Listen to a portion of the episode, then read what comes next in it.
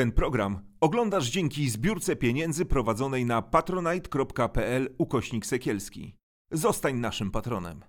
Witam Was wszystkich, to jest wysłuchanie, drugi odcinek mojej rozmowy z profesorem Stanisławem Obirkiem, rozmowy wokół tej książki Babilon, kryminalna historia Kościoła do nabycia e, w Empikach, wydawnictwie, wydawnictwa e, Agora. Stasiu, no nie jesteśmy pierwsi, no kryminalna historia Kościoła jako podtytuł była takim leitmotivem e, wielu opasłych e, dzieł, e, między innymi Derschnera.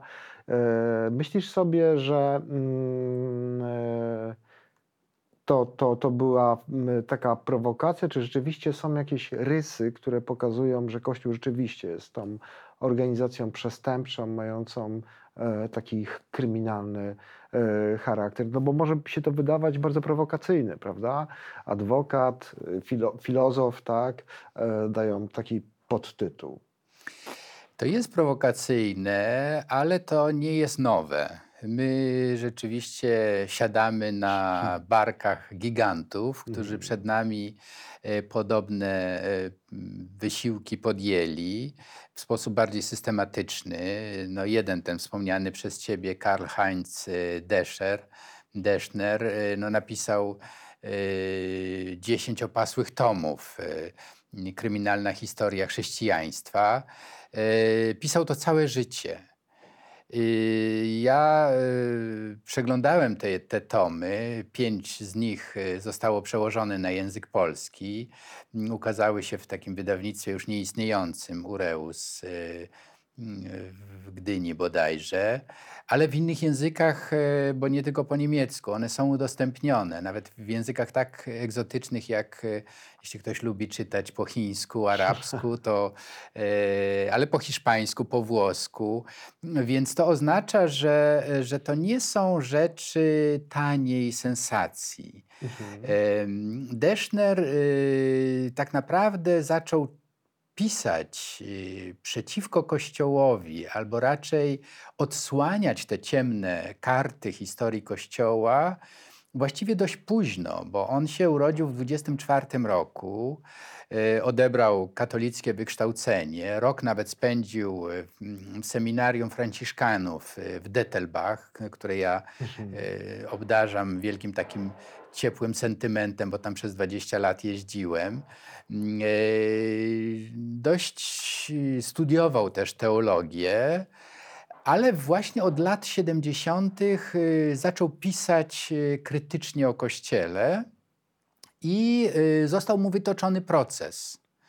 Y, Właśnie dlatego, że ośmiela się mm, y, pisać nie o Kościele jako o naszej kochanej Matce, która zapewnia nam zbawienie wieczne, o tych y, szeregach świętych ludzi, którzy dla Królestwa Bożego poprawiają świat tutaj, tylko właśnie te ciemne strony zaczął wydobywać. E, Ten proces wytoczony mu przez Kościół e, w Niemczech e, wygrał. To znaczy sędziowie uznali, że nie ma powodów, żeby karać kogoś, kto pisze Krytycznie. krytycznie w oparciu o źródła.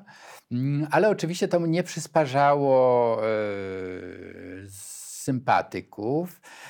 Pisał na własny rachunek, był takim freelancerem, ale z- miał możnych przyjaciół, którzy finansowali te jego kolejne tomy. I doprowadził bodajże do XIX wieku ten, te historie. I to są rzeczywiście rzeczy yy, no, niesłychane, znane, ale jakby nie, ludzie nie dopuszczają do świadomości, że to jest możliwe, że to jest też część historii Kościoła. I drugi, który też niemiecki teolog, który jest mi bliski z racji takich trochę mm, biograficznych. Mhm. E, on był, urodził się w 40 roku, mm, natomiast e, był wyświęcony na księdza, nauczał teologii, prawa kanonicznego i w 71 roku, drugim, mniej więcej w tym samym czasie, kiedy Deschner e, zmagał się właśnie z kościołem oskarżającym go o zniesławienie, zaczął pisać teksty krytyczne właśnie jako prawnik. Myślę, że to dla ciebie jest ciekawe, bo w oparciu o swoje doświadczenia mówisz, że nie ma żadnych powodów, żeby Kościół miał tak uprzywilejowaną pozycję, jaką ma w Niemczech. Posługiwał, y, odwoływał się do konkordatu, do podatku kościelnego i tak dalej. Mówisz, to, to powinno być zmienione. No i został pozbawiony prawa nauczania. Mhm. No i potem odszedł y, od katolicyzmu i zaczął pisać właśnie w tym duchu tej, tej kompetencji, którą nabył w kościele. I to są książki właśnie takie na temat, jak bardzo szkodliwe dla kościoła, dla chrześcijaństwa jest uprzywilejowanie kasty kapłańskiej. E, I co ciekawe, to co, o czym mówiliśmy w zeszłym tygodniu, on bardzo dużo czasu poświęca też e, na temat tej opresyjnej e, doktryny e, kościelnej dotyczącej seksualności. Bardzo krytycznie wypowiada się na temat Jana Pawła II, bo mniej więcej pisał wtedy, kiedy, kiedy Jan Paweł II był w Polsce traktowany jako absolutny autorytet. On pokazuje, że to jest, nawet taką książkę napisał, Papież złapany za słowo, gdzie ten przekroczyć próg nadziei, e, taki bestseller wszechczasów, e, był tak naprawdę manifestem e, konserwatywnego katolicyzmu, takiego opresyjnego.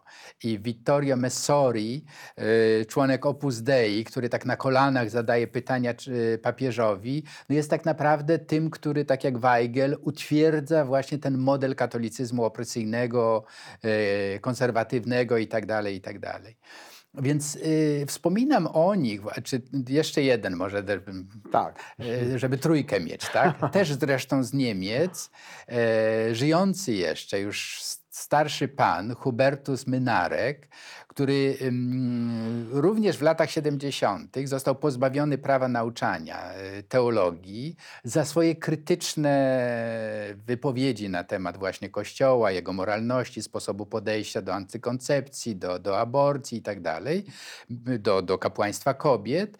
My, Mynarek do tej pory pisze krytycznie o Kościele.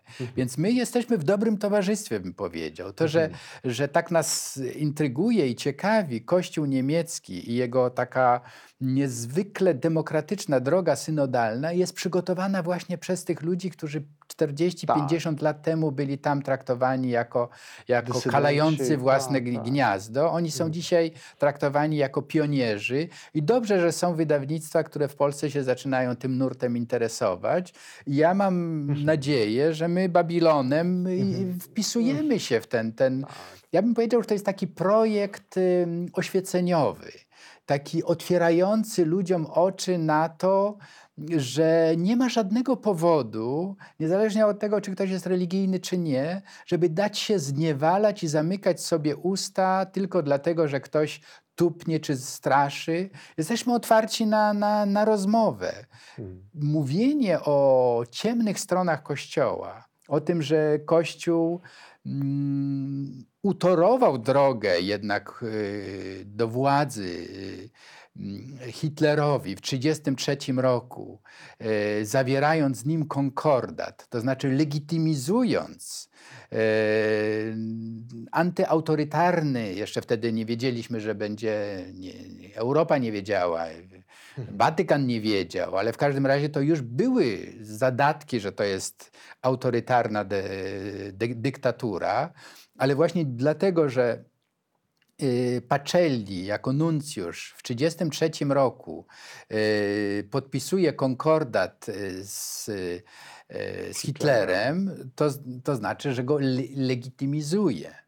Y, Oczywiście powody były takie, że mamy wspólnego wroga, bolszewizm i tak dalej, i tak dalej, ale konsekwencje są takie, że y, Kościół przyczynił się do, do, do utwierdzenia tej, tej, tej Tak, władzy. z, z tych y, nazwisk, które wymieniasz, wymieniłbym jeszcze, jeśli chodzi o Niemców, Drewermana na pewno, którego Kler i to, co on mówił właśnie o etyce seksualnej, to, co on mówił o celibacie, okazało się y, bardzo takie profetyczne i też jest elementem niemieckiej drugi synodalnej.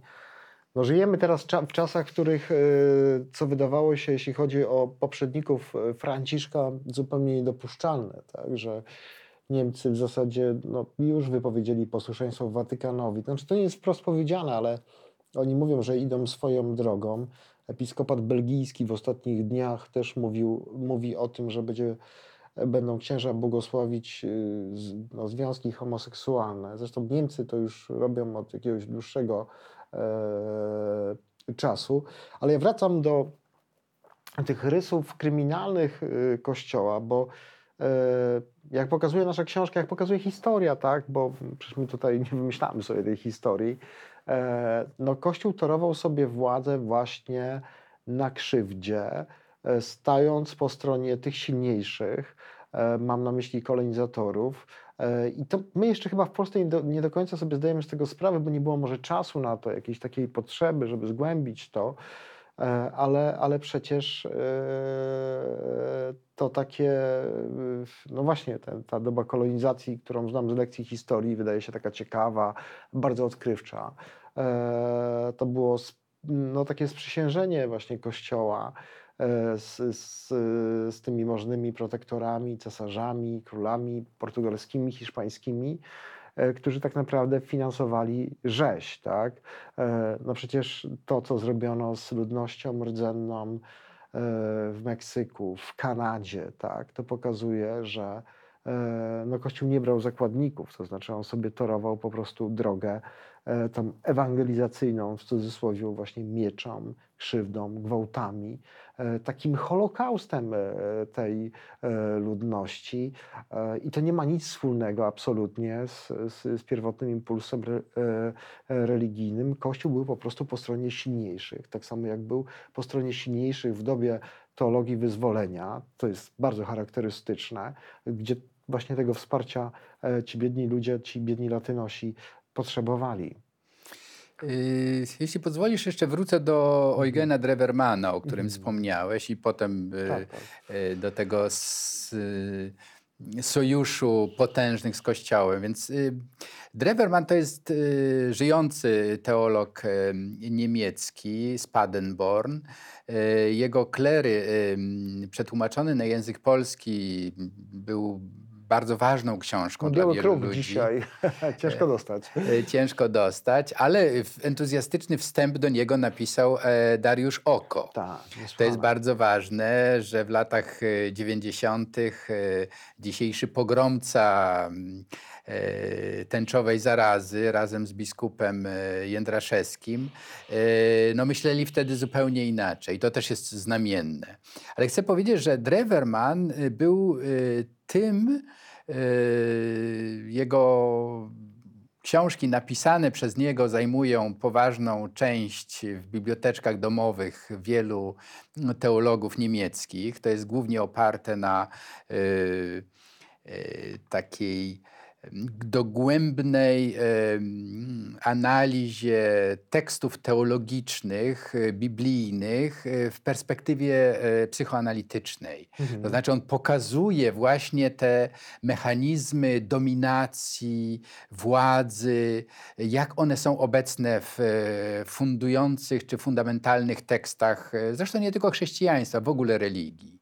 Mhm. I to pozwala mi przejść łagodnie Mhm. do Twojego podstawowego pytania. Jaką is- w istocie swej najgłębszej religią jest chrześcijaństwo? Jest to tak naprawdę religia, która w momencie, kiedy została mm, politycznie pobłogosławiona, w cudzysłowie, przez e, cesarza Konstantyna, który uznał, nie będąc chrześcijaninem, że z wielości kultów y, w Imperium Rzymskim właśnie ta nowa religia może być użyteczna politycznie i ją najpierw zaakceptował, bo wcześniej była nietolerowana ze względu na no, długa historia, ale można powiedzieć, że główny zarzut wobec chrześcijaństwa był taki, że chrześcijanie burzyli porządek społeczny. Nie akceptując kultu cesarzy, nie składając ofiar cesarzom, no, wydawali się takimi buntownikami, anarchistami. Tak? Tak. Dlatego pojawiały się te e, prześladowania od czasu do czasu. W mitologii chrześcijańskiej to jest też przesadzone. e, Mhm. Tak naprawdę tak, tak bez przerwy nie byli prześladowani. W każdym razie chcę tylko powiedzieć, że, że w momencie, kiedy stał się mm, e, chrześcijaństwo, stało się religią e, e, poręczną politycznie i stało się też e, zwłaszcza księża i biskupi, taką kastą uprzywilejowaną, bardzo szybko wykorzystali politykę do tego, żeby pognębić e, konkurentów religijnych. Czyli z religii tolerowanej na początku IV wieku, już pod koniec IV wieku stała się, stało się chrześcijaństwo religią dominującą. I bardzo szybko z tych prześladowanych, z trudem tolerowanych, stali się tym, tymi, którzy prześladowali innych.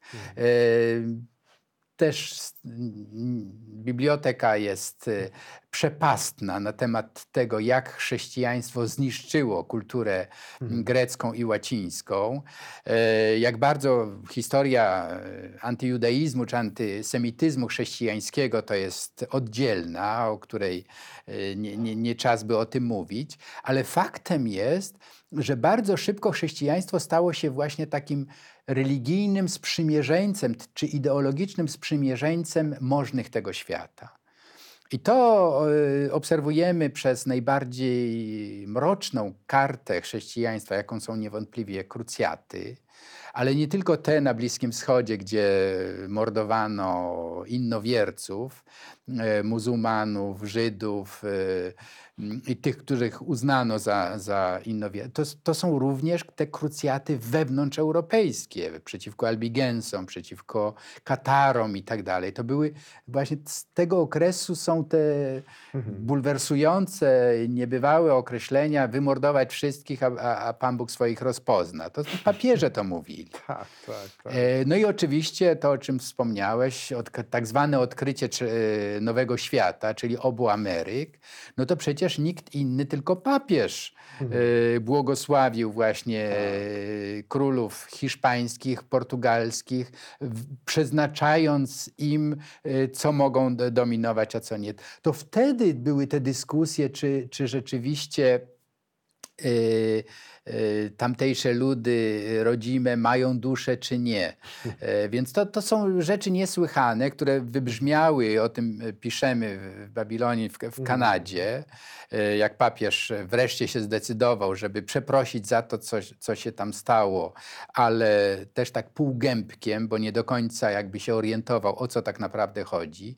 No w każdym razie Kościół wszedł w ten rachunek sumienia na temat tego ludobójstwa kulturowego i masz rację, że to, to są to są przejawy tego ludobójstwa, które chętnie przypisujemy przede wszystkim Hitlerowi i, i, i otomańskiemu imperium, które wymordowało właśnie półtora miliona Armeńczyków czy Ormian. E, Natomiast y, to się działo przez stulecia i właśnie ci wspomniani prze, przeze mnie wcześniej autorzy to dokładnie dokumentują. To się działo wtedy. No i Kościół jakoś y, dzisiaj nie widzi potrzeby, żeby o tym rozmawiać. Znaczy, ja mam takie wrażenie, że Kościół, uciekając się do słów klasyka, który może niekoniecznie jest moim autorytetem, no rżnie gupa, tak? W wielu kwestiach, e, które, w której wymagałoby się opowiedzenie o, jego historii, no nie ma w ogóle tej historii, ona albo jest zakłamana, tak? No przecież, e, no bo mówimy tutaj o Kanadzie, tak? Ale weźmy sobie historię Polski, rzeczywisty wkład Kościoła e, w, w zrywach narodowo-wyzwoleńczych, chociażby w XVIII wieku, tak? rolę Watykanu w blokowaniu nas. Tutaj byśmy mogli wymieniać tą całą e, tragiczną historię też, no tak naprawdę, zdrady narodowej, tak? E, sojuszu. E, Kościół w ogóle nie roztrząsa tej swojej historii i e, utwierdza ludzi w takim świętym przekonaniu, że zawsze stał po jasnej stronie mocy, a, a przecież tak nie było. Ja już nie chcę mówić o, o, o, o, latach e, 50., 60., gdzie okazuje się, jak bardzo wielu e, księży współpracowało ze służbą bezpieczeństwa. W zasadzie chyba nie było grupy zawodowej tak mocno e, zaangażowanej e, w tej współpracy, a, a z drugiej strony słyszymy wszędzie, że no właśnie prawda nas wyzwoli. Tak? To jest bardzo charakterystyczne. To jest bardzo mm, ciekawy temat y, tej selektywnej, selektywnego podejścia do własnej historii. Właśnie y, wspomniany wcześniej Horst y, Hermann bardzo mocno to podkreśla. Mówi, że to nie chodzi tylko o ten podatek kościelny. Można powiedzieć, no, nie chcesz, to nie płacisz. Ale mówi, ale stan posiadania tego największego obszarnika dzisiaj w Niemczech też wymaga tego, co mówisz, tego, tego mm, e, zastanowienia się, skąd Kościół ma te majątki. Hmm. Przecież to był wynik wojen religijnych. Tak. Biskupi to byli często udzielni książęta, którzy mieczem wywalczyli sobie stan posiadania. Może by dobrze było zrobić jakiś rachunek sumienia. Mhm. E, ostatnia bestsellerowa książka mojego ko- kolegi zresztą z Instytutu Ameryki e, Europy, e, Kacpra Pobłockiego, Hamstwo. E, była w finale Nike. E, Trzymałem kciuki za niego, no ale poeta wygrał. E, W każdym razie Pobłocki to jest jedna z wielu książek, która się w ostatnim czasie po, pokazała. Analizuje bardzo dokładnie e, chłopskie korzenie polskiego społeczeństwa. 90% y, polskiego społeczeństwa ma korzenie chłopskie. A kto to byli chłopi? To nie tylko była klasa najliczniejsza, która utrzymywała społeczeństwo, ale to była przede wszystkim grupa bezlitośnie wykorzystywana przez szlachtę. Ale czy księża, czy stan posiadania biskupów, klasztorów, na przykład Tyniec, to było tysiąc wsi, kilkanaście miast. Przecież właśnie kto utrzymywał te latyfundia, zakonne, biskupie i tak dalej? Chłopi. Mhm. No ale dzisiaj Kościół tylko mówi o tym, że jest ze społeczeństwem. Nie mówi o tym, że przez stulecia był częścią struktury uciskającej zdecydowaną większość społeczeństwa. Mm, I teraz to, co w moim przekonaniu te książki właśnie antropologów kultury, historyków wydłużają nasze spojrzenie na historię. Bo oczywiście, że są tacy historycy usłużni, dworscy, jak Andrzej Nowak, który przede wszystkim piszą o tym, jaki wspaniały był Kościół. To jest właśnie ten, ten typ y, uprawiania historii, który utwierdza, betonuje zastany stan. On mówi, że Kościół był zawsze właśnie tym, który był po stronie polskości, który y, Tak, tak. wzmacniał tożsamość i tak. Ale jak sam mówisz, przecież y, kolejne rozbiory, o ile dobrze pamięć mi podpowiada, w Konfederacji e, Barskiej to raczej e, e, szlachta i biskupi się opowiedzieli przeciwko Konstytucji 3 maja. No Watykan też przeciwko wszystkim powstaniom. Watykan oczywiście opowiadał się przeciwko Mhm. naruszaniu świętego porządku, a więc Mhm. również zaborom. I, I to no, oczywiście mamy wspaniałą tradycję naszego romantyzmu, wieszczowie, którzy się wadzili z papieżami, ale dzisiaj tego wadzenia się nie ma. Ja myślę, że my tutaj, ufam, że nie nadużyję e, cierpliwości e, naszych e, widzów, ale my się właściwie odwołujemy do tej tradycji takiego sprzeciwu obywatelskiego wobec narzucaniu e, pewnej kliszy ideologicznej, która uniemożliwia krytyczne patrzenie na własną historię. Z drugiej strony jednak mamy prawo do takiego sądu, do pełnej informacji, no bo y, wydaje mi się, że chociażby z tego względu, że ta historia była tak mocno zakłamana, tak po prostu się należy to, zwłaszcza młodym ludziom, którzy e, mają podejmować jakieś pewne decyzje. Miejmy nadzieję, że to będzie bardziej w ich rękach, a nie ich e, e, rodziców. Ale co jest bardzo ważne, właśnie to, o czym powiedziałeś w kontekście no, tego hamstwa, tak? Bo ja sobie przypominam, no, są takie przekazy historyczne, które pokazują, że to nie było tylko tak, że Kościół coś czerpał, tak? Z, z tego zblatowania się z władzą, z, z szlachtą, z panami feudalnymi, Również oni bardzo pilnowali, żeby ten posłuch y, Kościoła był, bo Kościół no właśnie, który sakralizował ich władzę, był bardzo dla nich użyteczny. No przecież e, chłopi, którzy nie chodzili do kościoła, byli bici, byli e, karani. To, to, to nie są jakieś, e, nie wiem, wymysły, to są dobrze opisane e, fakty historyczne, więc każdy coś tam z tego miał e, i chyba po dziś dzień, i miejmy nadzieję, że to jest chyba ostatni taki e, przykład, e, no nie wiem, w naszej historii, no kiedy władza też ma od tego kościoła duże e, oczekiwania, ale chyba to już jest taki sch- schyłkowy model. No chciałbym, żeby był schyłkowy, ale przypomnijmy to, y, Pobłocki w swoim chamstwie o tym pisze, ale mm, myślę, że to warto podkreślić, że takim momentem zwrotnym w historii mm, polskiego katolicyzmu był rok wypędzenia Arian z Polski w, w majestacie prawa. I to bardzo dużo Kościół katolicki, jezuici zwłaszcza, byli zaangażowani w tym, żeby tych e, znienawidzonych heretyków, braci polskich e, wyrzucić w 1658 roku.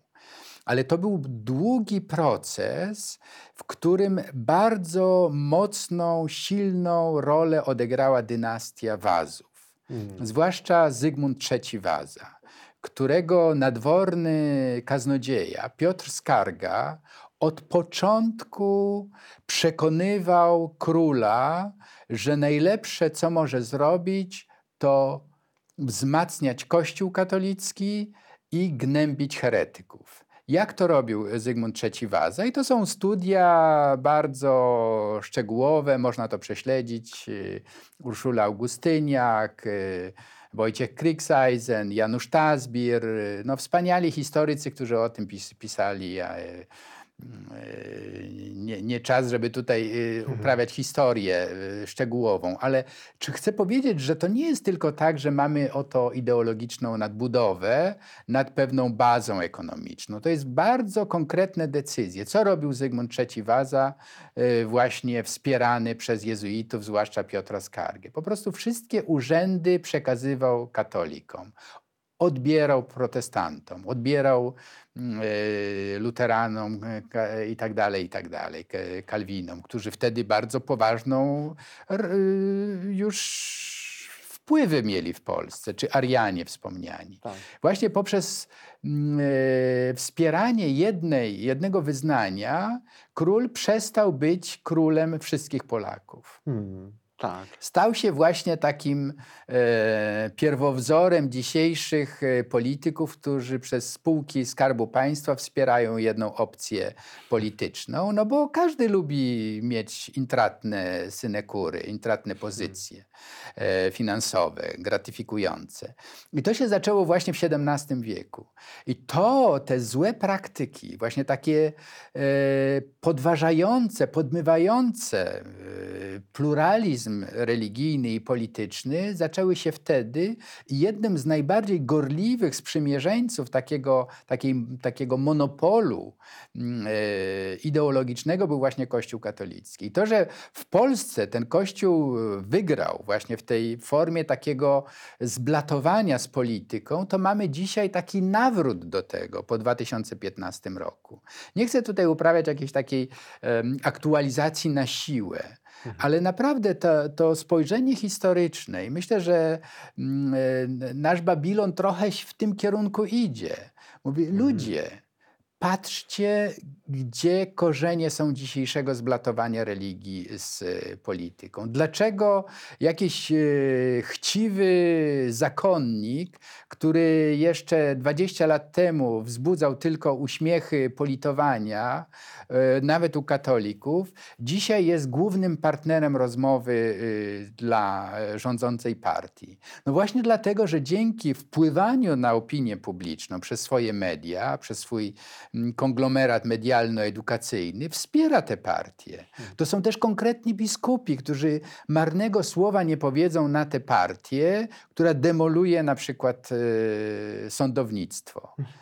I to jest dla mnie niesłychane, że tego ludzie nie widzą. Ale to jest też część tej, co nazywamy kryminalną e, historią Kościoła. To znaczy, to jest coś, co odbywa się wbrew prawu. No ty, ty jako prawnik doskonale wiesz. Nie, znaczy dla mnie to, co jest y, przedziwne i to, na co zwracam jako prawnik uwagę, to jest to, że Kościół jest jedyną korporacją, która nie poszła tą drogą korporacji, nie tylko mam na myśli państwa, ale również korporacje mm, różne biznesowe, które idą w kierunku przejrzystości, kontroli, odwołalności, e, nie wiem, sprawozdań i tak dalej, i tak dalej. Tutaj po prostu nic kompletnie takiego się e, nie dzieje. I to, to jest skamielina dla mnie już e, tej tradycji, e, no takiej średniowiecznej wręcz, tak, w której e, no nie ma mowy o jakimś takim e, twórczym, e, no, twórczy, twórczym reformatorstwie. To znaczy,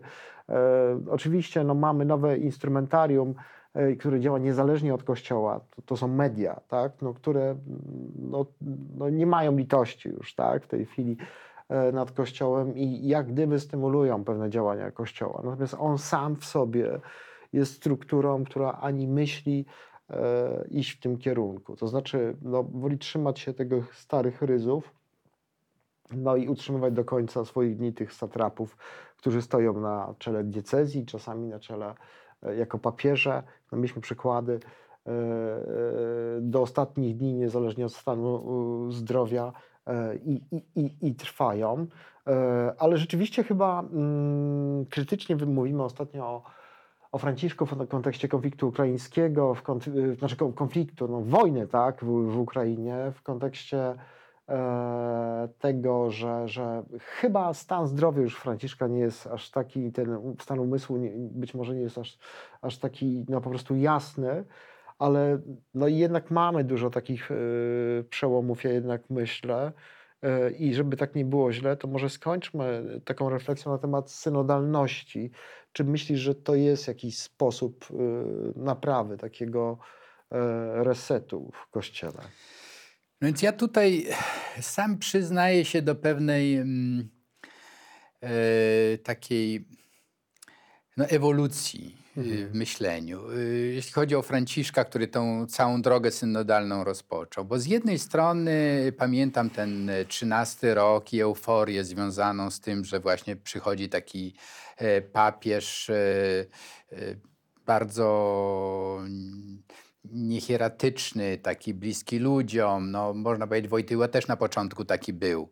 Ale to, co mnie najbardziej ujęło, i ujęło to też mojego przyjaciela, który, z którym wtedy pisałem książki, Zygmunta Baumana, że Franciszek w sposób tak absolutnie bezkompromisowy stanął po stronie uchodźców i imigrantów. To było dokładnie wtedy, kiedy w Polsce PiS e, przygotowywał się do przejęcia władzy. Wykorzystując najniższe Instynkty, instynkty. tak. Właśnie wtedy Kaczyński Strasząc, mówił o, tak, o insektach, o mhm. chorobach przynoszonych Obrzydliwe przez... to było, tak. E, ale przyniosło e, jednak No, tak, władzę, tak. tak? Mm, I wtedy e, ja, ja to dobrze pamiętam. To znaczy, że Franciszek właśnie od 13 roku konsekwentnie stanął po stronie słabych. Em, e, Rzeczywiście konflikt, wojna, inwazja Putina na Ukrainę tutaj e, postawiła duży znak zapytania pod e, wyczuciem Franciszka, gdzie są napadnięci, gdzie są ofiary, a gdzie są oprawcy. Więc to nie rozstrzygniemy tego, nie to jest temat naszej, naszej rozmowy dzisiaj. Ale ta synodalność. Otóż już e, w poprzednich synodach to, co e, ujęło mnie tak bardzo u Franciszka, to jest ta wiara w to, że rozmowy w kościele mają sens. I on zachęcał, e, musiał zachęcać kardynałów i biskupów, mówi, "M- mówcie, co myślicie.